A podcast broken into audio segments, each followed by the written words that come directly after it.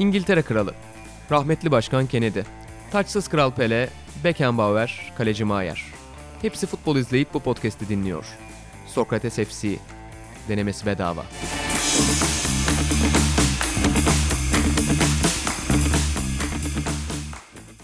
Sokrates FC'nin 19. bölümünden herkese selamlar. Bugün Fatih Demireli, Buğra Balaban ve ben Atahan Altınordu'dan oluşan bir üçlü kurduk. Ee, Galatasaray Real Madrid maçını, Alanya Sporu, geçen hafta Alanya Spor'dan biraz bahsetmiştik. Ee, özellikle Arhan Ata Pilavoğlu e, biraz daha detaya inmişti. Bugün biraz daha detaya inelim dedik. Ee, ve Bundesliga konuşacağız. Çok büyük bir sürpriz oldu. Ya seni bulmuşken öyle sömürelim dedik. Alman futboluna bir bakalım. Yani acaba Almanya Ligi bu sene biraz daha çekişmeli geçecek mi? Ki geçen sene de az çekişmeli sayılmazdı son yıllara Evet. oranla. Ee, bu çekişme kaliteden mi kalitesizlikten mi falan gibi şeyler konuşacağız ama önce Galatasaray Real Madrid maçıyla başlamak gerekiyor diye başlayıp pası hanginize atayım? Vallahi pası bizden hemen ver kaçla geri al istersen. Çünkü senin konun Galatasaray Real Madrid. Senle başlayalım ona. Ee, şöyle maçı hem e, taktiksel olarak konuşabiliriz. Hem Galatasaray'ın durumunu konuşabiliriz. Hem Belhanda'nın ıslıklanması üzerinden tartışmalara girebiliriz. O zaman hangisinden başlayalım onu sen söyle. Ee, Şimdi ben hatta şuradan başlayayım pası atayım. Galatasaray'ın ben e, bu maça başladığı taktiği, PSG maçına da başladığı dizilişi e, beğeniyorum. Bunu ligde de kullanabilir mi Galatasaray? Hadi buradan başlayalım. Ee, şöyle Galatasaray'ın bu sezon iyi gözüktüğü hani e, taraftarların işte hatta teknik e, direktörün, teknik heyetin, futbolcuların iyiye yorumladığı iki tane maç var. Bir tanesi Paris Saint Germain maçı. Bir tanesi Real Madrid maçı. E, bunların ortak noktası tabii ki Şampiyonlar Ligi ve muhtemelen e, birçok kiralık olan oyuncuların ve yabancı olan oyuncuların bu rakibe bu rakiplere karşı biraz daha e, motive olmalarının dışında e, aynı dizilişle aynı taktikle çıkılması. Ben Paris maçında bir tık fazla övüldüğünü düşünmüştüm. E, evet tabii ki bir yıldızlar topluluğu evet yenilmek çok çok normal. E, ama Galatasaray'ın bu kadar pozisyon bulmadığını e, düşünmüştüm. Ben e, Galatasaray Real Madrid maçı için stada gittim. Ve gerçekten hani uzun süre izlemediğim bir Galatasaray oldu ilk kere. Evet çok pozisyon verdi. Yani Real Madrid'in 35 miydi 32 miydi hatırlamıyorum şimdi e, şut sayısını. Ama Galatasaray'da bu sezon en çok pozisyon bulduğu maçlardan bir tanesiydi. Ben bunu da direkt dizilişe bağlıyorum. Hani Galatasaray'ın oyun formatına biraz daha uygun. e, hatta mevcut sakat olmayan oyuncularına biraz daha uygun. Hatta muhtemelen e, fit bir Falcao olsa yakalanan pozisyonlardan en azından bir tanesini atardı diye düşünüyorum. E, o yüzden ben hatta bunu Bülent Çelik yazmıştı Twitter'da. Hani Galatasaray bunu ligde oynamalı e, domine etmeyeceği bir rakip yok. Ya diye şimdi şey bunlar var. da biraz şey Evet. e, Ee, ama yok bu bu bence öne, tartışmalı. yani tartışmalı mutlaka ama yani kadroya e, hani bakınca yok, sezon sene başında da şey demek gayet normaldi.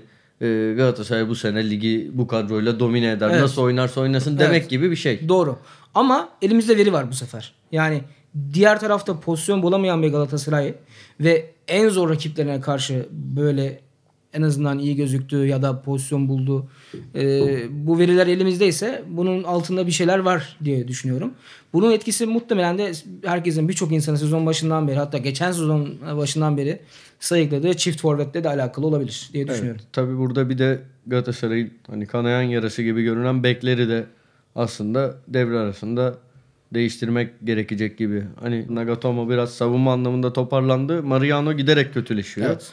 Ee, herhalde oraya bir Lines takviyesi gelecektir devrede. Bir de bilmiyorum belki sol tarafa da bir ya da Lines sola, Şener sağa ya da işte transferle e, yani şöyle bir şey var. Burayı da e, dinlemek istiyorum ama şu çok kısa şuraya pas atacağım. Yani muhtemelen bunun için e, elde para yokken aslında hani oyuncuları almak için Belhanda'nın başına gelenlerden sonra belki hani orada bir kaynak yaratılacak gibi Onu geldi ayrıca- bana. onu ayrıca bir konuşuruz. Hani Belhanda'yı. sadece böyle buraya kısa bir e, pas atmak istedim. Ben bir de şunu soracağım. Ee, ister Buğra alsın sözü, ister sen de devam et. Buğra alsın. Ee, madem hani Galatasaray ilk yarıda iyiydi. Devrede neden acaba o değişiklik yapıldı da Donk Feguli değişikliği yapılıp da alışıldık düzene dönüldü diye de merak etmiyor değilim. Ee, şöyle bence biraz hmm, nasıl söyleyebiliriz ya sonuçta evet üçlü savunma gibi belki üçlü yapı gibi görünüyor olabilir ama aslında büyük takımlara karşı beşli çıkan bir Galatasaray var. Paris Saint Germain maçı da böyleydi senin dediğin gibi Fatih. Ee, Real Madrid de böyleydi ki çok da mantıksız sayılmaz. Özellikle ligdeki biraz daha düşük profil takımlara karşı bile çok fazla pozisyon verdiğini görüyorduk Galatasaray'ın dörtlü savunmada. Yani geçen sezonu bitiren Marka Luyendama formundan epey uzak iki oyuncudaki. Dün Luyendama bence iyiydi ama e, yine de özellikle sezonun ilk bir ayında ikisinin de biraz aksadığını görmüştük. O yüzden oraya ekstra bir yama Donk'la birlikte kullanıyor hoca ama büyük ihtimalle ben bir basın toplantısı hatırlıyorum geçtiğimiz sezondan. E, hoca sürekli şunun altını çizdi işte biz 3 sav 5'li savunma işte falan 3 stoper ben zaten bunları oynatmam çocuklar biliyorsunuz gibi şeyleri vardı. Belki hatırlarsınız. E, tam böyle Tudor sonrasındaki dönemi de aslında o buhranı da anlatmak için biraz hani Tudor'a hafif bir dokundurma da içeren bir açıklamaydı bence. E, ama Evet yani akılcı olmak gerekirse bazen böyle rakiplere karşı orayı ekstra oyuncuyla kullanmak mecbur kalabiliyor. Ama hocanın kafasında o açıklamayı da ben hatırlayınca şunu düşünüyorum. Yani 3 stoper oynatmak ya da 5 savunma oynatmak çok hocanın sevdiği bir şey değil. O hücuma dönük, o atak, daha fazla hücumcuyu sahada görmeyi zaten seven biri. Özellikle geriye de düşmüşken ki skor alması gerektiğini hissederken, buna mecbur hissederken bence o biraz içgüdüsel de bir değişiklik. Yani o takımın oyunundan ben çok memnun, hoşnutsuz değildi ama benim daha hücum oynamam gerekiyor. Ben burada bir oyuncuyu fazla tutuyorum gibi düşünüp bence biraz hani Ama risk alarak takımı Öyle da o olunca havaya daha sokmayı hücum oynamıyorsun aslında. Evet aslında öyle. Ya bence burada tartışılması gereken hücumdaki oyuncu miktarı ya da oradaki sayıdan ziyade biraz daha yapı. Yani ben hala yani bir ay önce konuştuğumuzda da bence benzer şeyleri konuşuyorduk. Hala o iletişimin, o hücum planının çok zayıf olduğunu görüyorum Galatasaray'da. Yani bilinçli Doğaçlama bir plan şey. çok doğaçlama ve evet dün mesela belli bölümlerde hakikaten müthiş bir e, pozisyon zenginliğine ulaştı Galatasaray ama ya Real savunması çok kötü durumda. Yani orta sahadan bir ara topta koca Ramos'un Vara'nın ne hale geldiğini görüyoruz. Yani orada ki zaten sezon başından beri Real'in iyi geçirmediğini biliyoruz bu sezonu. Hakikaten ciddi problemler var orada da yani. O hataları ge- atıyorum geçen yılki Real Madrid ya da iyi bir savunma yapısına sahip takımdan pek de kolay vermez açıkçası. Ee, ya benzer bir şey söyleyeceğim. Aslında hani Galatasaray'ın atak niteliği değil kalitesinde büyük bir sıkıntısı Evet, var. kesinlikle. Yani e, hani hatta maç sonunda Fatih Hoca da buna değindi. Hani ceza sahası içerisinde topla buluşma konusunda Galatasaray epey e, e, yani yüksek yüzdelerle oynadı ama yani sürekli bir pas, son bir pas daha, son bir pas daha. Şimdi Real Madrid'in bu kadar yüksek şut çekme e, istatistiği çok şaşırtıcı değil. Çünkü gerçekten hepsi denedi. Yani Valverde de denedi. E, Toni Kroos da sürekli denedi. E, Benzema zaten deniyor. Hazard zaten deniyorlar ama. Yani bunlardan bir tanesi de ya, tehlikeli atacak mutlaka. Ama Galatasaray'da atak bitiren oyuncu ya çok açık bir pozisyon değilse işte Andone'nin e, Belhanda'nın yakaladıkları gibi çok açık değilse şut denemiyorlar. Özellikle hani bu konuda Babel mesela sürekli Tabii. Hani- Ekstra bir çalım daha atayım. Onu- Sürekli. Sezon başından beri sürekli yaptığı şey. Hani şeyi çok katılamıyorum. Hani Babel neden pas vermiyor arkadaşına? Babel hiçbir zaman pas vermedi. Babel bu e, istatistiklerini pas vermediği için yaptı. Her Vermediği zaman için bu denediği için oyuncu. yaptı. Yani bu, oyuncu bu zaten. Bunun için eleştirmiyorum ama ya es- geçmişe göre çok daha fazla pozisyon kendini pozisyon yaratmakta zorluk çekiyor ve bir pas daha ve yani bir noktada da topu kaybediyorsunuz ve bu karşı ataklara sebep oluyor. Ee, bu açıdan hani Galatasaray'ın orada gerçekten bitirme noktasında hani sadece belki şut değil hani ama artık şu son pası biri versin de hani biri artık şut çeksin. O bir türlü oluşmuyor. Yani sürekli homurdanma oluyor. E, öyle de bir noktadan sonra e, çevrede, takım içinde de bir huzursuzluk, bir sabırsızlık oluşuyor. Bence orada hocanın Lemina beklentisindeki temel kaynaklardan biri de olabilir Fatih dediğin gibi. Yani çünkü orta sahada Enzonzi zaten çok geride kalıyor genelde. Çok az çıkıyor hücum organize hücumda ileriye. Seri çok fazla bakmıyor mecbur kalmadığında kaleye. Ya Belanda zaten hiçbir zaman öyle bir oyuncu değildi. Tüm bunları düşününce bence Lemina'yı biraz daha hem dikine giden hem de kaleyi yoklayabilecek bir oyuncu olarak görüyor olabilir Fatih Hoca. Ee, ve sanki o yüzden de o bir an önce dönsün de 11'e monte edeyim diye bekliyor. Paris Saint Germain maçıyla ilgili de bir şeyler söyledim Fatih. Bence de ya ben o gün tweet de atmıştım yanılmıyorsam. Ee, bence o çok yanıltıcı bir maç oldu Galatasaray için. Yani evet fena bir oyun oynanmadı, fena bir mücadele ortaya konmadı ama yani çok fazla gol kaçırdılar. Ya dün de ya işte Evet. 12 isabetli şut ya inanılmaz bir şey Evet, bu. evet. 12 isabetli şut görmek. direğe Ya aynen öyle Çok boş kaleye direğe vurulanlar kaç tane karşı karşıya çıktı. Yani atıyorum bu maçların skorları 0-3 1-4 olsaydı biz yine bu kadar olduğunu mu konuşurduk ya da taraftar çok emin değilim. O adam tutarlı. Askerdeyken bana atam izledin mi maçı diye mesaj attı. PSG maçı sonrası. Dedim yok izleyemedim de çok iyi oynamış Galatasaray falan. Yok ya abartılıyor. Maç şöyleydi böyleydi. Bu yorumları bana ben bir Doğru. SMS'le Silah altındayken Okumuştum. de yapmıştım bu Tabii ki. yorumları. Ama SMS vurgusunu yaptım Tabii, burada. tabii. Kısa mesaj. Sıkıntı bir yaşamaması Peki için. sen demin eee, şimdi Tudor'un adını andın. Fatih Terim Tudor'a biraz işte eee, Çok konuşuluyor ya o zaman üçlü savunma. Ben şunu soracağım. Çift taraflı soracağım. Bu sene Galatasaray'ın başında şu ka- önce şunda hemfikir miyiz? Mevcut kadro e, uyumsuzluğunu, e, yaşlılığını falan bir kenara bırakalım. Böyle defoları var veya kenara bırakmayalım. Bu defolara rağmen Galatasaray tarihinin en iyi kadrolarından biri mi, değil mi? Soruyorum. Biri mi Fatih? Biri. Buğra? Öyle. Tamam. Net Peki olarak birinci demesen de Tamam evet Mutlaka. Net olarak birinci bence de değil ama en iyilerden biri. Ee, bu kadronun başında yani aynı bu seneki yaşadığımız e, her şeyi yaşadığımızı düşünelim. Yani Galatasaray'ın maçlarını izlediğimizi düşünelim. Ama başında Fatih Terim değil de başka bir teknik direktör olsun. Tudor olsun. işte Prandelli olsun. Hani hiç beğenmem Prandelli'yi de lafın gelişi herhangi biri. Hikmet Karaman olsun. Ee, eleştirilerin dozu veya e, yöneltildiği yer ne kadar farklı olurdu? Bu arada hani şu- tabii ki Fatih Terim'de kredisi varsa bir sebepten var. Yani Fatih Terim olduğu için var. Ee, başardığı için. Evet var. başardığı için. Bu krediyi kendi yaratıyor. Ee, ama bir yandan da mesela aynı atıyorum herhangi biri X yani Tudor Mudor demek istemiyorum. Şahıslar üzerinden e, konuşmak istemiyorum. Skibe falan ya herhangi biri. Bu krediye sahip olabileceği yollardan geçerken bu eleştiriler yapılıyor. Onlar fazla bu takımın başında kalamıyorlar. O krediyi kazanacak zamanı bulamıyorlar. Ne yani buradaki burada bir tutarsızlık var mı? Belki de yoktur yani. Belki de gerçekten bunun tek açıklaması yani Fatih Terim varsa susup bekleyeceksindir. Bilmiyorum hani ne dersiniz? Ee, aslında soruyu sorarken cevapladın. Yani e, neden böyle olduğunu çok net bir şekilde söyledin. Fatih Terim bunu başardığı için o krediyi kendine yarattı. Ee, şimdi Tudor, Prandelli özellikle Prandelli'nin geçmişinde başarılar var mutlaka. Ee, Tudor'da da en azından hani Karabük'te bir şeyler yarattığına dair var ama şimdi Galatasaray'da bunlar çok yeterli eee doneler değil.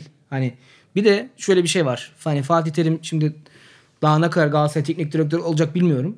Hani ama bir gün bıraktığı zaman yerine kim gelirse gelsin Fatih Terim yaşadığı sürece 95 yaşında olsa da her zaman Fatih Terim gölgesini hissedecek. Fatih Terim bunu belki istemese bile, yaratmasa bile Yok belki ister. Fatih Terim bunu ister. belki Fatih 80 Terim yaşında istemez diye. ee, Fatih Terim muhtemelen bundan sonra bir daha hani bırakırsa teknik direktör olmaz ama başkan olur muhtemelen. O zaman bile hissederler biliyorsunuz 96'da Bayern Münih Başkanı Franz Beckenbauer hocasını kovup takım başına Evet. geçip UEFA Kupası'nı aldı. Son iki maçı kazandı ve UEFA Kupası'nı kazandı demişti o dönemlerde. Çok büyük haksızlık yapmıştı Otto Hagel'e. yani öyle bir potansiyel yok diyebilir miyiz? Var yani olabilir. Yani gayet ve camia bunu zor istediği için olabilir. Çok çok tamamen adil bir şey değil bu. Farklı sporlarda da bu arada benzer örnekler var. Şimdi Yani örnek verdim. var. Hani o yüzden her zaman kim olursa olsun hani Mourinho da gelse, işte Klopp da gelse, e, Tuchel de gelse her zaman bu Galatasaray teknik direktörünün yaşayacağı bir baskı olacak. Yani Tuchel şimdi pardon Tuchel dedim. Tudor'un e, Ostersund elendikten sonraki yediğin ilk 7 lig haftası. Yani zevk almayan bir Galatasaray var mıydı sen? İlk iki hafta çok iyiydi. Sonra Ama ortalama üstü hani bir bir noktaya Bursa oturmuş. deplasmanı vardı. içerideki maçlar vardı. Hala en iyi yani Fatih Terim döneminde tabii ki yani çok büyük başarılar var. İki şampiyonlukta zordu ve ne bileyim yani Donk'tan katkı alması bile olağanüstü bir şey. Donku bu noktaya getirmesi bile olağanüstü bir şey. Fatih Terim çok başarılı ama hala o top oynamadı Galatasaray. En iyi maçı bile o kadar iyi değildi. Ama işte neden? Neden? Bir taraftan evet belki kredisi daha düşük olduğu için ama o dönem bile iyi oynadığı zamanlarda bile Tudor yani ben dahil ya bunu ne kadar sürdürebilir? Tamam bir ee, şey söyleyeceğim. Bölüyorum da. Aynısı Lucescu'ya söyleniyordu. İlk Galatasaray'a geldiğinde Galatasaray böyle mi oynar, şöyle mi oynar? Bir şekilde adam görevde kaldı. O da 8. hafta kovulabilirdi. Galatasaray'da Ama öyle... Lucescu'nun bir geçmişi var. Ya tamam pra... şimdi benim hayatımda gördüğüm en kötü Galatasaray hocası ama Prandelli'nin de bir geçmişi vardı. Bir Lucescu kadar Yani- yok. Bu da sadece canım? kendi Prandelli- ülkesinde vardı. Prandelli'nin bayağı bir geçmişi vardı. Ama kendi ülkesinde. Kendi ülkesinde. Ve hani kendi ülkesinde bu seviyede değil. Tam Lucescu ne yaptı? Dünya Kupası şampiyonu mu oldu ya? Abi ya en azından geldiği zaman bu adamın bir ağırlığı olduğu yani daha doğrusu evet futbolcularla konuştuğu zaman futbolcunun bu adam bana e, anlattığı şey yani az çok şimdi çok da hani ikili konuşmalar anlatmak istemiyorum ama şimdi o dönemlerde Prandelli'de oynayan futbolcularla konuştuğun zaman e, adamdan çok ikna olmadıklarını çoğu zaman duyuyorsun. Yani şimdi bunu yaratan Tamam, bir şey- basın değil, bunu yaratan dış dünya abi. değil. Zamanla ben Hakan Ünsal'la konuştuğumda bize şeyi anlatıyordu. Lucescu maç toplantısında bize rakibi anlatıyordu. Biz dalga geçiyorduk. Aa biz herhalde Denizli Spor'la değil Real Madrid'le oynayacağız falan diyordu. Hiç yap, söylediklerini ciddiye almıyorduk. Zaman içinde adam başarılı ola ben- ola onun verdiği detayları göre göre Lucescu'ya çok inanır hale O zaman ben de gelmiştik. sana şunu söyleyeyim. Ee, Lucescu altında milli takımda geç- geçen sene oynayan iki tane milli futbolcuyla konuştum. Onlar dedik, dedi, onlar da bana dedikleri şu. Maç toplantısı, maç toplan sadece maç en toplantıları. detaylı. Ha. Benim futbolumu düzelttiler. Hiç sahaya çıkmadık, antrenman yapmadık. Sadece maç Tamam. toplantıları benim futbolumu düzeltti dedi. Daha iyi bir futbolcu oldum onların sayesinde dedi. Ama e, neden? Yani bu adamlar bir şekilde Lucescu'ya yine belki hayatlarında ilk defa gördüler, duydular ama bir etki yarattı. Şimdi Fatih Terim de öyle bir etki yaratıyor. Şimdi Tudor Tamam tabii ki bu. belki o etkiyi yaratamıyor. Bak ben zevk almıştım o zamanlar ama e, her zaman biraz futbolcu açısından bakmak lazım. Şimdi Galatasaray futbolcular da muhtemelen şu futboldan memnun değiller. Kendilerini bu kadar verimli ol, hani daha verimli olduklarını düşünüyorlardı. Şimdi dün ilk defa Real Madrid maçında ben Inzonzi'yi de i- önceki maçlar kadar beğenmedim. Yani Ben çok beğendim. yani evet di- mi? Diğer maçlara kadar. Yani Tonzi ilk defa böyle kontrolsüz paslar attığını gördüm. Kontrolsüz ikili mücadeleye girdiğini gördüm. Çünkü Enzonzi genelde e, öyle sezgileri iyi ki ben bu ikili mücadeleye girersem bu top kaybolacak. Ben topu garanti başka yere bırakayım. Dün ilk defa Mar- Mar- acaba dedim Markao mu bu? Yani Markao genelde yapıyor çünkü böyle e, yanlışları. Enzonzi yaptı. Ya futbolcularda da bir bir sıkıntı var ama şu da var futbolcular şu an hala hani buradan Fatih Hoca ile çıkacaklarını bu güven var en azından. Tamam normal zaten. Evet. Normal aslında taraftarın çoğunda da var. Fatih Evet. Terim haklı olarak bu duyguyu Aynen yaratıyor. Son bir şey daha soracağım. Belhanda'yı konuşmadan önce. Ee, ya ben böyle konuşuyorum ama bunlar konuşulmuyor diye diye konuşuyorum. Her şey konuşalım. Ee, yani yoksa benim hani mesela ekstra Fatih Terim aleyhine bir şey söyleyeyim ee, bunları sorgulayalım gibi bir düşüncem yok ama mesela maç sonu açıklamasına gelelim.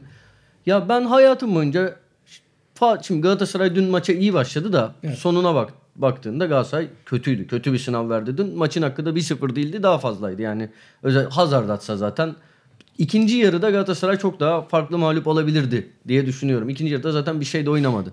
Söyle söyle. Çok kısa, Muhalefet çok edeceksin. kısa. Çok kısa muhalefet edeceğim. Dün ben Twitter'a şey yazdım. Maçtan çıkınca otoparkta çok bekledik. Dedim bari bir tweet atayım. Ee, bu seviye herhangi bu seviyede herhangi bir seviyede bu kadar pas hatası yapamazsın, bu kadar şut kaçıramazsın. Sonra dedik ki aa evet Real Madrid 25 tane kaçırmış. Şimdi sen maçın başında eline, eline geçen fırsatları değerlendirmiyorsan Evet, tamam. rakibini canlandırıp oyuna ortak ediyorsun. Tabii ki rakibin o zaman pozisyon bulacak. Sen Galatasaray şimdi 15. dakikada 2-0 öne geçse bu kadar pozisyon yaratacak mı belki Real Madrid? Ya niye ama Kapanacaksın. şimdi Real Madrid de sonra Hayır. bir sürü gol kaçırdı. Yok, o niye hayır, Galatasaray'ı canlı bu- bu- tutmuyor? Her şey bazı şeyler yani hayatta sadece futbolda değil bu. Yaptığın bir şeyin bir etkisi var. Yani sen golü atarsan, iki gol atarsan zaten demoralize ve özgüveni yerde olan Real Madrid daha da dem hani bu takım kendi evinde Brüj'den gol yedi iki tane yani ilk yarıda.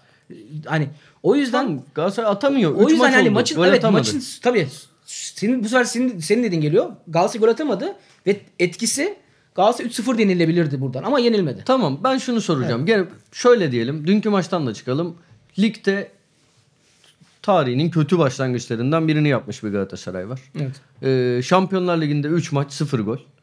Ee, iyi performanslar olmakla beraber hani içinde iyi dönem dönem 3 maç 0 gol. Evet. Ee, ortada bir başarısızlık var. Başta da sordum. Galatasaray tarihinin en iyi kadrolarından biri mi dedim. Evet. Şu an çok kötü gidiyor.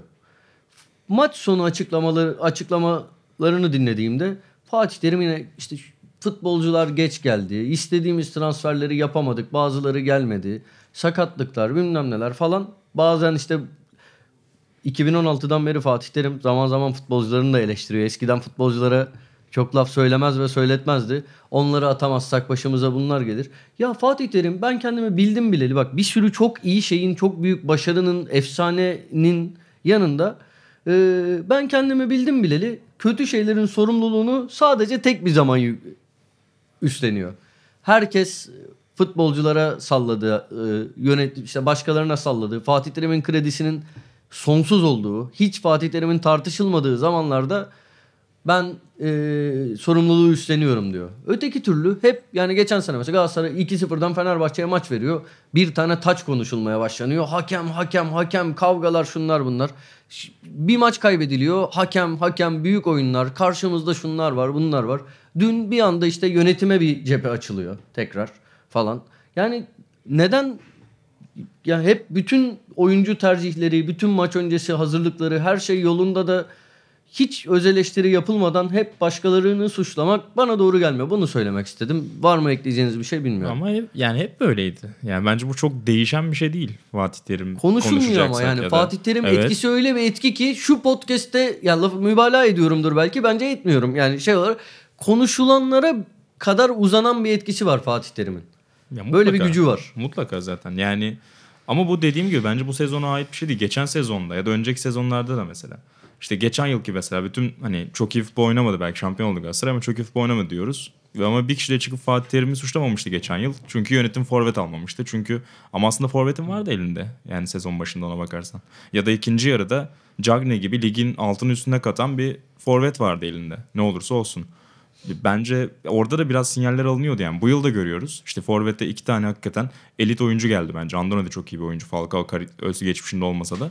Ama hala onları besleyemiyorsun iyi bir şekilde. Dün bir iki tane pozisyon buldu Andone evet ama hani mükemmel bir sistem içerisinde çok üretken yapıda mı forvet ya da hücum hattı değil. Yani bence hani bunları mesela konuşulabilir durumda veya Tudor olsa başka biri olsa çok daha fazla konuşulacaktı ama bu her zaman öyle. Yani Tudor varken kazandığı maçlarda bile hatırlayalım ne sorular soruldu adama. Tabii. Perişan edildi burada yani bu biraz işte o medya hoca ilişkileriyle alakalı. Sadece Fatih Terim değil Türk birçok hocayla işler bu kadar kolay olmuyor yabancılara sallamak kadar. Medyada böyle bir yapı var maalesef. Ya ben şeye çok e, şeye katılamıyorum ya. Yani hoca eleştirilmiyor, e, sorgulanmıyor çok katılmıyorum. Yani e, ben maç sonu basın toplantılarını sadece Fatih Hoca'da değil genel olarak izlemeyi seviyorum. Çünkü hani yayıncı kuruluşta çok kısa oluyor. Yayıncı kuruluşta da doğru. çok derine inilmiyor. Ama, ama maç sonunda hani bazı çok çok iyi meslektaşlarımız var. Çok iyi sorular söylüyor. Mesela Galatasaray maçından sonra e, Sinan Yılmaz'ın sorduğu soru çok iyi bir soruydu. Yani Fatih Terim'e uygun olmayan, fizik ku- kuvveti düşük bir takım. Yani e, bu soruyu çok çok sert yani ben şu an bu kadar uzun anlatamam ama oldukça sert, oldukça direkt Fatih Terim'i hedef alan bir soruydu. Bunlar birçok maçta sorulan sorular. Tabii sen burada şeyi biraz cevapları biraz sorguluyorsun. Tabii diyorsun ki yani Fatih Hoca sürekli bunu başka bir yerde ya şu var şu bir gerçek. Ee, Fatih Terim şunu iyi başarıyor. Bunu kabul etmek lazım. Ee, biraz da haklı olsa bunu tek sorunmuş gibi gösterme kabiliyeti, konuşma Haklı hitabeti. olmasa bile. Ee, Haklı olmasa bile gösterebiliyor. gösterme şeyi var. Ama şu da var yani hani bazı gerçeklerde var. Galatasaray'ın transferleri çok çok geç geldi. Ee, şu da sorgulanabilir. Yani gel çok geç geldi ama çok çok iyi oyuncular geldi. E tamam ama Ya şimdi ben hatırlamıyorum Türkiye'de 5 senede bir kere bir takım transferlerini zamanında yapıyor. Hani bu bir Türkiye Evet. gerçeği bunu kabul edelim. ama transfer yapıyorsun ama bu kadar çok oyuncu kiralamıyorsun. Yani Galatasaray'ın sorunu Doğru. Galatasaray 3 senedir 5 seneye de sürekli yeni bir yapılanmaya giriyor. Yani düşünsene şampiyon olmuşsun. Galatasaray şampiyon oldu. Ve aşağı yukarı diyordun ki geçen sene. Ya bu takıma sadece bir tane santrfor koysan adam gibi. Jackman yerine başka bir santrfor koysan Galatasaray yine alıp yürür diyorsun. Geliyorsun hani çok iyi bir re re ra ra işte o kulüpte o cemiyette İnce Uluç herkes kutluyor falan falan. Geliyorsun bir dahaki Ağustos'a yepyeni bir kadro. Tamam bu bir mecburiyet bir yerde ama yepyeni bir kadro kurarken takım yaşlanıyor. Galatasaray yaşlı bir takım. Mutlaka. Ve kiralıklarla dolu bir kadro. Yani biliyorsun ki seneye bu oyuncuları hani Enzonzi 2 yıllık kiralandı okey kalacak. Falcao tatili bitirdiği zaman futbolu başlayacak okey. Andone gidecek muhtemelen. Seri gidecek muhtemelen. Lemina gidecek muhtemelen.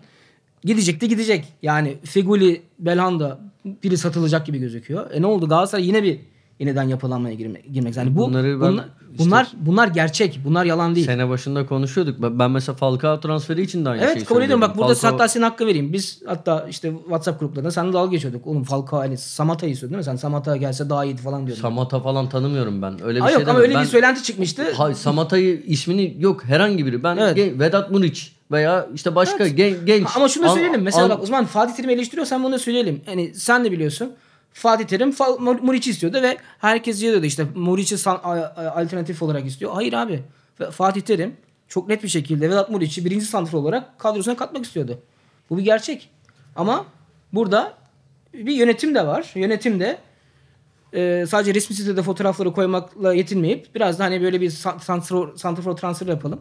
Evet gereksizdi bu biliyorum. Yok bir şey söyleyeyim mi? Söyle. Son ben son bu mesela burada ben Galatasaray yönetim yönetimini de beğenmiyorum da. Evet. Burada mesela şu şey gündem ya Galatasaray yönetimi resmi siteye fotoğraflarını koyuyor. Gündemi var ya. Bu senin onun bunun hepimizin dikkatini çekiyor. Böyle bir genel konuşulan bir şey ya. Evet. Konuşulmasının sebebi takım iyi sonuçlar alamıyor. Orada da bir cephe açıldı. Anladın mı? Bu yani. Bu bile bana Tamam da Ama haksız. kazanmak birçok Yok, şey haklı. onarır yani. Bu her Yok. yerde böyledir. Yani galip geldiğinde zaten hiçbir şey görmezsin yani. Sahadaki Tamam, problemleri tamam, de katılıyorum. görmezsin. Ben de bu çok ekstra bir şey diye söylemedim. Öyle katılıyorum. Neyse şimdi Çok bir şey... konu uzayacak. Evet de, konu aynen. uzadı. Hatta şöyle yapalım. Beranda'yı da atlayalım artık. Ne yapalım? Atlayalım. Çünkü çok uzun konuştuk dünkü Çok maçı. kısa belki birer cümle söyleyin isterseniz. Ya Fa- Fatih bir de sen statta yaşadın çünkü. Hani insanlar dışarıdan gördü ama sen statta oluşunu belki kısaca özetlersen sonra geçeriz. Yani şöyle e, zaten humurdanma bayağı erken başlamıştı yani daha maçın hatta ilk pozisyonlardan bir tanesinde Belanda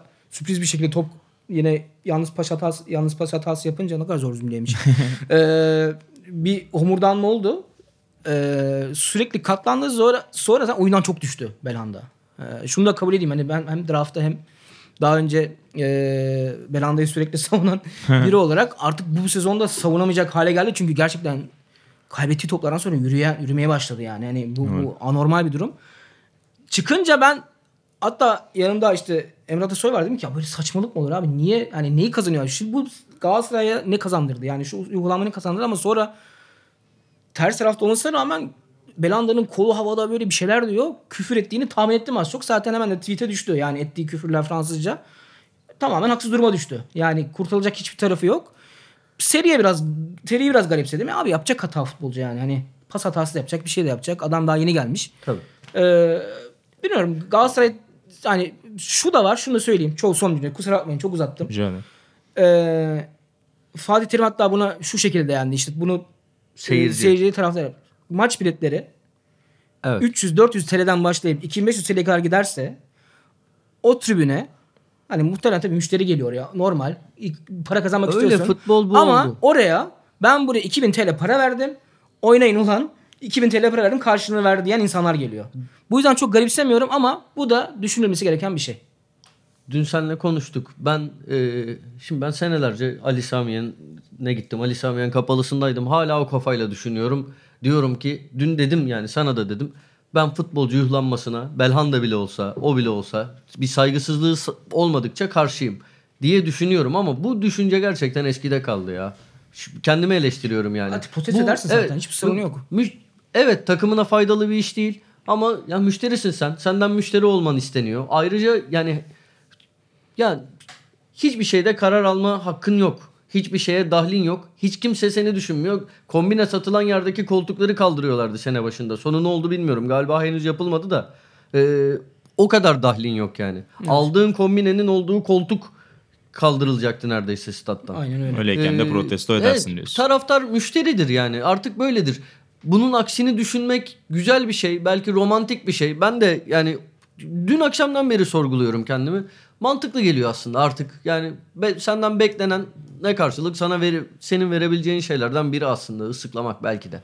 Az önce e, bu ülkede hangi takım zaten transferleri erken yapılıyor ki dedin. Oradan bağlayalım. Alanya Spor'unki yapılıyordu mesela. Çok kısa bir şey sorabilir miyim? Tabii ki. Demin senin lafın bölündü ben çok merak ettim. Buyur. Başka sporlarda da örnekleri var dedin ya. Ben Petra ile Miami Heat örneğini verecektim. Çok kısa 2006'da başkandı. Ama işte sezon ortasında koçu yollayıp kendi başına geldi takım ve şampiyon oldu.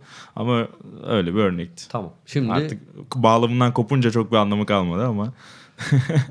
şimdi o zaman Alanya'ya. Alanya Spor bağlamına gelelim. Çünkü Temmuz sonunda transferlerini yanılmıyorsam hepsini bitiren bir Alanya Spor vardı ve erken çalışmanın, erken uyum sağlamanın ne kadar fark yaratabildiğini bizlere gösteriyor. Ee, aslında sezon başından bu yana Alanya Spor e, 4'te 4 ile başlamışlardı. Ufak bir tökezleme gördük. 3 maçta 2 beraberlik mağlubiyetle ama bu hafta sonu yine e, müthiş futbol ve Rize'yi 5-2 ile geçerek hala buradayız. Biz e, birkaç haftalık peri masalı değiliz dedi herhalde Erol Bulut'un takımı. Dedi bu arada ay başında çıkacak Sokrates'te de Müjdeyi de verelim. Erol Bulut röportajı olacak. Canereler ve Caner'le Kaan'ın, Kaan Demirel'in birlikte yaptığı bir röportaj.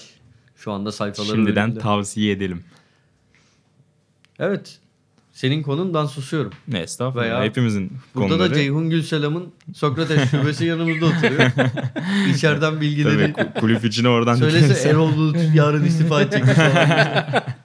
Dur şimdi millet Aslında ciddiye alır bir de. Ee, ya zaten biraz biz seninle atacağım yabancısı sınırı dosyasını yaparken de aslında böyle örneklerden bir tanesiydi. Yani son dönemdeki o artan yabancı geniş havuzla beraber, yabancı havuzla beraber doğru finansal yapıyı biraz olsun kurabilen, hani zararlardan uzaklaşıp hakikaten atıyorum en basit şey oyuncuların maaşlarını doğru zamanda verebilecek bir yapıyı e, elde eden ve aynı zamanda takıma da belli bir seviyenin üzerindeki yabancıları getirebilen takımların ciddi şekilde üst tarafı tehdit etmeye başladığını gördük. E, ve Alanya'da bunun çok çok iyi bir örneğini sergiliyor şu ana kadar. Tabii Erol Bulut'a ayrı parantez lazım. E, geçtiğimiz hafta Malatya'yla da çok çok iyi iş çıkarmıştı. Daha öncesinde Başakşehir'in e, ligin zirvesini istikrarlı bir şekilde e, yokladığı dönemlerde de yine Abdullah Avcı ile beraberdi ve ciddi bir rolü olduğunu biliyoruz oradaki başarıda da. Şu ana kadar e, herhalde birinci konu olarak belki kulüp yapısından da ziyade Erol Bulut'u konuşmamız lazım. Heyecanlanmamız lazım. Herhalde bir genç çocuğu için hani Avcı artık çok yıl oldu. 10 yılı aştı belki onun için heyecanlandığımız günlerden bu yana ama herhalde uzun süredir en çok bizi heyecanlandıran çalıştırıcı diyebiliriz Erol Bulut için. Ee, ya yüzde yüz katılıyorum. Ya şey görüyorsun bu çok güzel bir şey. Yani sen çok güzel anlattın. Yani işte biraz da kişi oluyor şey transfer planlama vesaire. Bunların boş bir şey olmadığını anı çok güzel görüyorsun. Kesin. Hani burada teknik direktörün de ne kadar hazırlanarak geldiğini buraya hani ne yapmak istediğini çok iyi görebiliyorsun sahada. Yani dediğim gibi çok iyi başladılar sonra bir tökezlenme sü- süreci oldu ama genelde zaten burada kırılıyor. Ondan sonra Doğru. takımlar düşüyor ve kalkmıyor ama yani Alanya bu noktada eee, çok da kendi futbolundan ödü vermeyip yani toparlandım ya şurada çok ufak detaylar var şunları düzeltmemiz lazım deyip tekrar yukarı çıktılar. Yani Beşiktaş maçı mesela yani kötü bir maçtı Alanya Spor adına ama bu hiçbir şekilde onların e, motivasyonunu ve hani kendi oyunlarına olan inancılarını kırmadı. Devam Aynen ettiler. E, bu çok çok önemli bir şey. Ve şu önemli. Yani Türkiye'de genelde hani iyi takımların 11'ini bir şekilde sayabiliyorsun. Yani işte Abdullah Avcı'nın Başakşehir'ini, Galatasaray'ı, işte Fenerbahçe'nin o zaman. Hani bunu yavaş yavaş Alanya Spor insanlara yerleştirmeye başlandı. Yani muhtemelen izlenme reytingleri çok yüksek, yüksek değildi. Ama az çok hani en azından Alanya'nın kilit oyuncuları kim bunları çok çok iyi biliyorsun. Ve benim en önemsediğim şeylerden bir tanesi yani bu artık hani Alanya Spor Süper Lig'de olduğundan beri e, görebildiğimiz bir şey. E, hani Erol Bulut'tan da bağımsız bir şey bu. Rastgele transfer şöyle yok.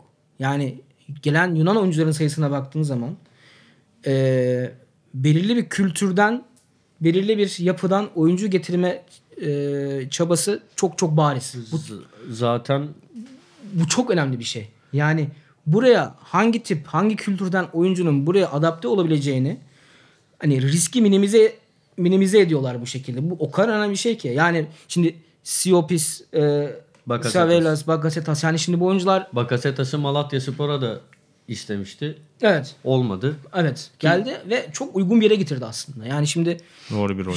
e, şey var ya mesela hani e, onu aradım ve bana buraya mutlaka gelmesini tavsiye etti vesaire. Böyle bir klişe laf vardır. Ya bu, bu Alanya'da çok geçerli bir şeydir muhtemelen yani. Şimdi e, Siopis galiba Selanik'ten geldi. E, Bakasetas Ayek'ten geldi. Ama yani yine de arayıp "Ya sen ne diyorsun? Hani bu nasıl Savelas mutlaka iyi referanslar vermişler. Yani bu oyuncular burada e, uzun yıllardır oynuyorlar bazıları. Bu bu önemli bir e, birliktelik. Yani dedi ya Ceyhun iç dünyasında ne? Yani bunu da aslında yani anlıyorum. Yani konuştuğun zaman oradaki muhabbetlerden ya orada bir e, lejyoner topluluğu yok. Gerçekten e, birbirini iyi tamamlayan bir ekip var. Sil baştan bir kadro yok. O da çok önemli. Şimdi Sisse geçen sezondan Doğru. Ceyhun'un kendisi Jun- e, Junior öyle. Wellington, Wellington, aynen. Efecan Karaca. Aynen. Biraz. Efecan şimdi mesela Efecan da bir- öyle bir oyuncu ki En Sakala. yani işte her zaman direkt taşları var bu takımın içinde. Yani geldiğin zaman bu oyuncuları e, takıma adapte edecek bazı figürler var. Hem yerli hem yabancı. Bu çok çok önemli bir şey. Doğru. E, bence kalede de bir upgrade oldu. Yani Marafona iyi bir kaleci bence. E, nokta atışı yaptılar. Tabii şampiyon. Şimdi burada hemen şu geliyor. Şampiyon olurlar mı? Zor çok zor. Hani hem Olabilirler. ama yani öyle bir sezondayız ki Evet Beşiktaş, Fenerbahçe, Galatasaray hiçbiri hani böyle gümbür gümbür gitmiyor. Gitmiyorlar. Trabzonspor var. evet. Tam bu takımların da düzelme ihtimali var da bahsi geçen hani daha iddialı takımların da düzelme şansı var ama şu an baktığında Alanyaspor gayet olabilir. Malatyaspor bile olabilir. Aynen öyle. Ya işte orada şu var tabi hani uzun sezon maraton için hani sakatlıklara bir önlemi var mı vesaire ama şimdi gün geçtikçe transferde de yeni bir hamle yapabilir. Yani bir Sise'yi de ekleyebilir vesaire. Ee, ben yani şampiyonluk hani bence şu da var. Şu da önemli bir şey bence. Kendilerine o bas, şampiyonluk baskısını da koymuyorlar muhtemelen. Şimdi Trabzon'da o baskı var mesela. Şimdi Trabzonspor camiası haklı olarak şampiyonluk bekliyor. Belki çok zor bir şey olmasına rağmen bekliyor. Ama şimdi Alanyaspor'da böyle bir baskı olmadığı için ama bu kalite de olması belki yine de bir format ve bu sistemle oraya gidebilirler. Yani zorlayabilirler orayı. Ben e, özellikle bu kaybettikleri maçlardan sonra hala ayakta kalma, kalmaları e, beni adaylardan biri olarak gösteriyor bence.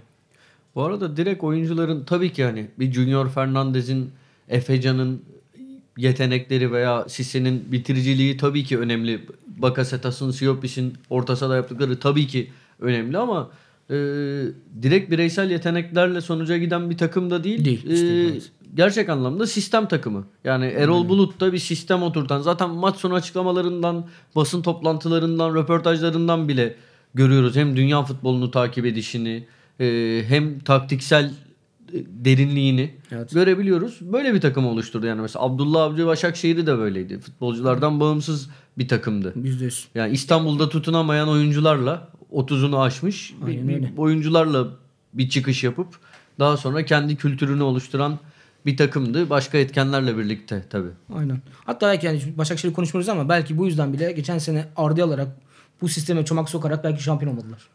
Belki belki. Belki yani hani. Belki. Şart düşülebilir tabii. Yunanistan köklerinden bahsettim bu arada. Tabii orada parantez olarak Erol Bulut'un oyunculuk kariyerinde de son bölümlerinde Olympiakos'la birlikte Evet. Yunanistan'da oynadı ve orada da hala e, iyi ilişkileri olduğunu, oradan hani işte Siopis, Bakasetas gibi oyuncularla muhtemelen ilk hani önerilme anlamında da o tür bağlantının avantajını kullandığını da söyleyelim tabii. O da önemli. E, bahsettiğin gibi. E, herhalde süreyi yavaş yavaş aşacağız. Çok açmadan e, Bundesliga'ya da geçelim arzu ederseniz Bundesliga'daki yarışa. Söyleyeceğiniz bir şey yoksa Alanya ile alakalı. Ya geçen hafta da konuşmuştuk. Ben o zaman daha fazla konuşmuştum diye Tamam. tekrar olmasın diye sessiz kaldım. O zaman mertebe. Bundesliga uzmanı Atan Altın klasik. Ordu'yla. Atan altın orduya dönelim. Ee, yani hazır gelmişken e, Bundesliga'da konuşalım istedim. Yani çünkü orada e, hani Bayern Münih'in düşüşüyle birlikte e, üst sıralarda ciddi bir çekişme var. Yani kaç puan yani 2-3 puan içerisinde 7-8 takım var. Herkes şampiyonluğu hayal ediyor bu sezon. E, hani bu ama bu şu soruyu da beraberine getiriyor Almanya'da. Ya bu kaliteli bir şey mi, kalitesiz bir şey mi? Yani bu bu bizi iyi yani iyi bir yere mi getiriyor, kötü bir yere mi getiriyor diye. Ee, şu bir gerçek. Yani geçen sezon da hatta demin Ata da söylemişti bunu. Hani geçen sezon da aslında çekişmeli bir yarış vardı ama burada sadece Dortmund vardı. Diğerleri e, düştü. Epey Leipzig de uzaktı. bir Leipzig de bir süre katılmıştı. Şimdi bu sezon e, Dortmund var ama Dortmund aslında çok fazla bireysellikten bu sezon çok maç kazandı. E, Leipzig takımdan maç kazandı. Bu sezon tabii e, Gladbach'ın, Borussia Mönchengladbach'ın çıkışı çok çok dikkat çekici. E, Schalke'nin çıkışı dikkat çekici ki Schalke üst üste iki hafta liderliği kaçırdı e, çıktığı maç. Yani tam lider olacak. Schalke tarihini çok iyi anlatan iki maç oldu. 90'da Köln'den gol yedi. Gitti e, son maçta e, yine e, kaçırdı. Yani bu aslında şunu biraz gösteriyor.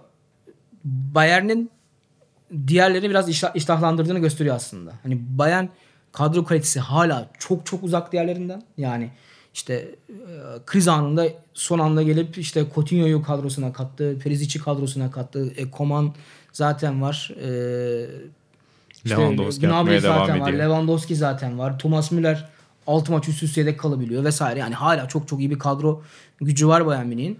E, ama işte burada teknik direktörün önemini biraz görebiliyoruz aslında. Yani Niko Kovac gerçekten ben çok uzun süre savundum ama e, gerçekten kaldıramıyor. Pes ettim diyorsun artık. Yani pes ettim. Gerçekten pes ettim. Ve hani belki kişisel olarak pes etmedim ama yani şey yani figür olarak Bayern Münih'in başında değil ama gerçekten futbol açısından baktığımız zaman hani demin Galatasaray'da konuştuğumuz yani e, atak kalitesinde eksiklik var diye çok net bir eksiklik var. Yani düşünsenize saydığımız isimleri düşün ve bu takım organize atak edemiyor. E, bu, bu, bu büyük bir eksiklik ve bu bütün takıma yansıyor. Yani bir Augsburg maçı var.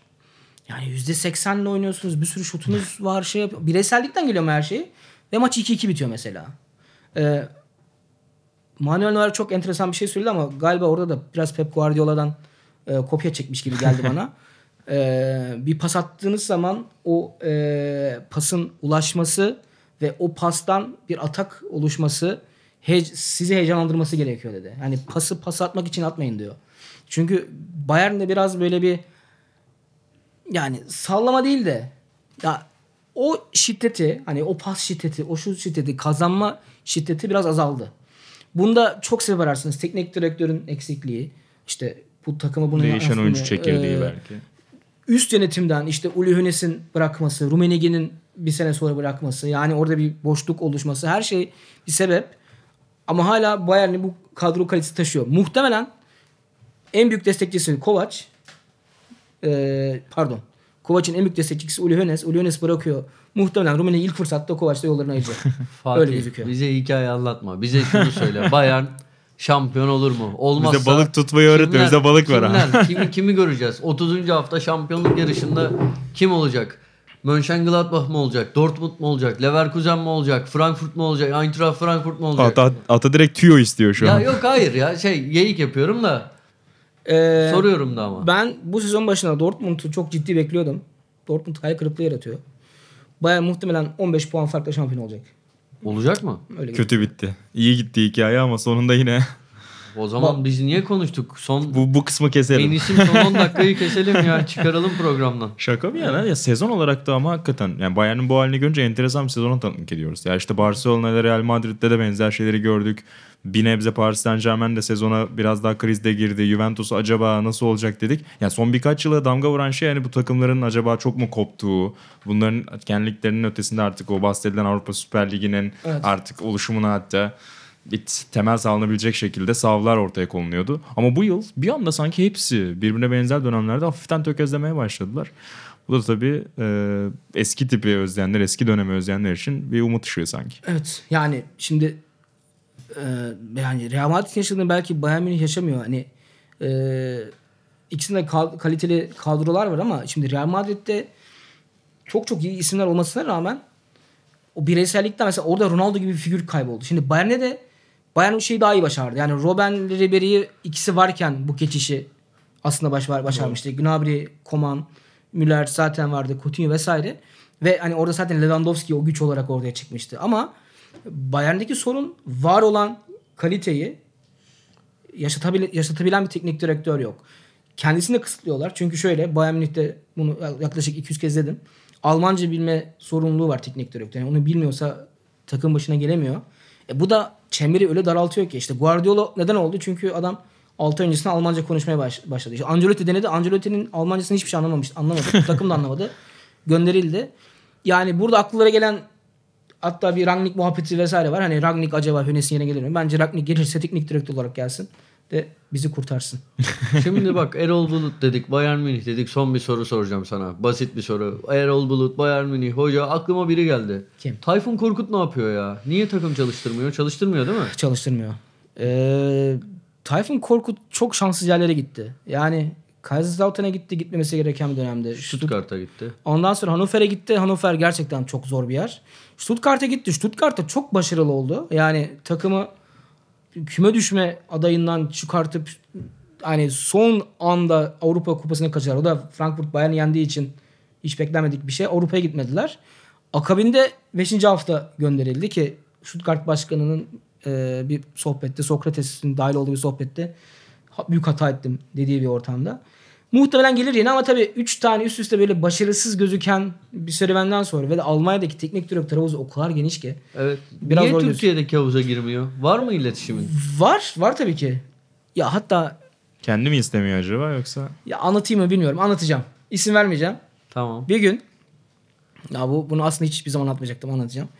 Ee, Mısırları bir, hazırlayın. bir Süper Lig kulübü, bir Süper Lig kulübü Tayfun Korkut'u takımın başına getirmek istiyor. Muhtemelen telefon numaraları yok. Ee, ve biri telefon numarasını veriyor Tayfun Korkut'un. Seni ben hatırladım bu Ama ben isim- biliyorum. lütfen isim söyleme. Ve e, verilen numara benim numaram. Ve kulüp başkanı bana mesaj atıyor. Tayfun hocam merhaba. Size ulaşamadım. Keşke bir görüşseydin abi belli mi olur? miyiz? Ama yok, sadece meraktan aradım bir bu şey arada. diyeceğim. Direkt şey yapsaydın. Yani kabul edip ama avans isteseydin. bir cep bankta bir Aynen, avans. aynen. Ee, yok hani vermeyeceğim tabii ki. Ama hani çok merak, sadece meraktan aradım bu arada. Merhaba başkanım falan diye. O Ee, zaman olmadı ama. Yani burada yani olmaz Tayfun- tabii bu şartlarda. Kabul etmedim. 3 milyon, 3 milyon euro maaş istedim vermedi. Bir Yok. Fatih Demireli yönetiminde. 3 milyon euro maaş istedim. Transfer istedim kabul etmedi. Yok. Yani şöyle Tayfun Korkut'un Türkiye'ye çok e, sıcak bakmadığı diye bir şey yok. Bakıyor aslında ama tabii bu tip teknik direktörler de biraz projeye gelmek istiyor. O zaman bonus konumuzu da geride bıraktık. Ya bu arada yani pro, mesela Erol Bulut'un yaptığını bir benzerini Tayfun Korkut da yapabilir gibi Yapabilir. bir intiba var. Ben, Kenan Koçak var. Yapabilir. Ee, bonus konumuzun da sonuna, Sonuna geldik, diye tekrar buradan alayım. Ee, Sokrates FC'nin 19. bölümünde Fatih Demireli, Buğra Balaban ve ben Atahan Altınordu'yla beraberdik diyeceğim. Garip olacak cümlenin çatısını kuramadım. Onu demeye de ne bileyim hiç benlik bir cümle değil O diye zaman şey kapatalım. yapamadım.